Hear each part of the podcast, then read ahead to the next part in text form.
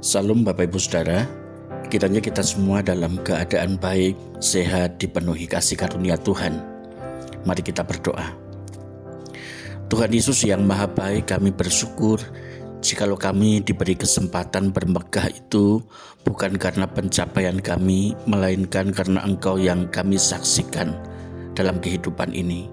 Dalam nama Tuhan Yesus kami bersyukur. Amin.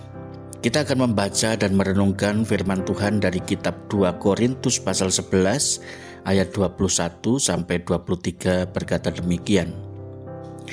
Dengan sangat malu aku harus mengakui bahwa dalam hal semacam itu kami terlalu lemah.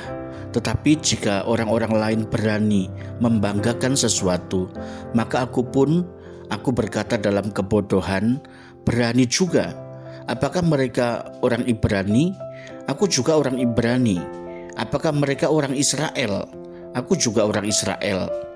Apakah mereka keturunan Abraham? Aku juga keturunan Abraham. Apakah mereka pelayan Kristus? Aku berkata seperti orang gila.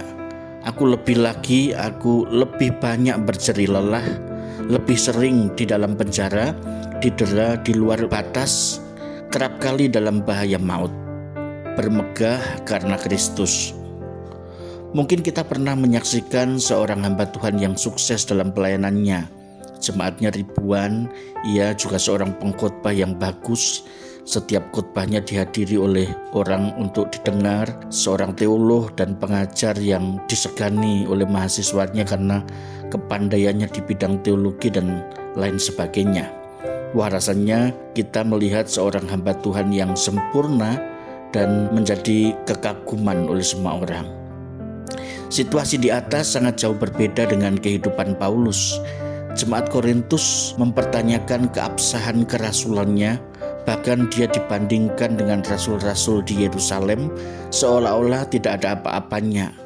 Orang-orang yang meragukan Rasul Paulus sebagai hamba Tuhan yang berhasil, bahkan cenderung memandang sebelah mata seperti seorang hamba Tuhan yang gagal dalam pelayanannya. Situasi itu mengguncang persekutuan jemaat Korintus karena guru-guru palsu yang terus-menerus menyudutkan Paulus di tengah jemaat. Hal inilah yang menyebabkan Paulus kemudian menyatakan sikapnya, pembelaan dirinya serta kemegahannya sebagai seorang hamba Kristus. Secara paradoks, Paulus mendaftarkan beberapa alasan mengapa ia bermegah. Pertama, penganiayaan fisik karena Injil Kristus. Rasul Paulus sering kali mendapatkan penganiayaan seperti didera, disesah, ayat 24-25, oleh karena Injil Kristus.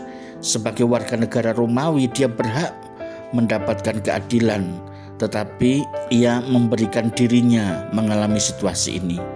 Kedua, hanya maut.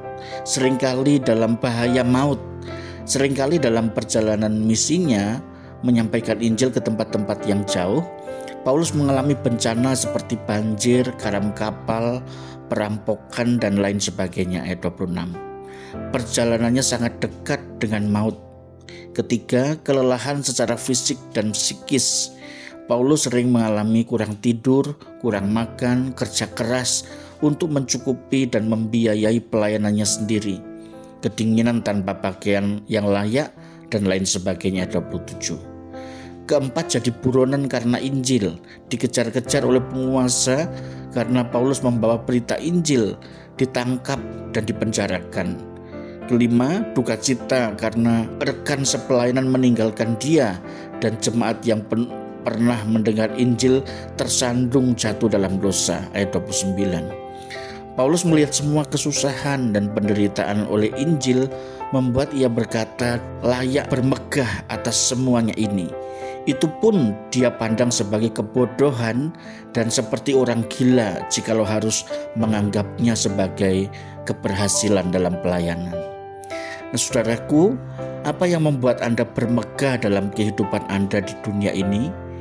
Pencapaian aktualisasi diri jika bermegah itu harus, maka marilah kita sebagai anak Tuhan bermegah karena alasan pekerjaan Tuhan dimuliakan dalam karya dan kehidupan kita. Amin.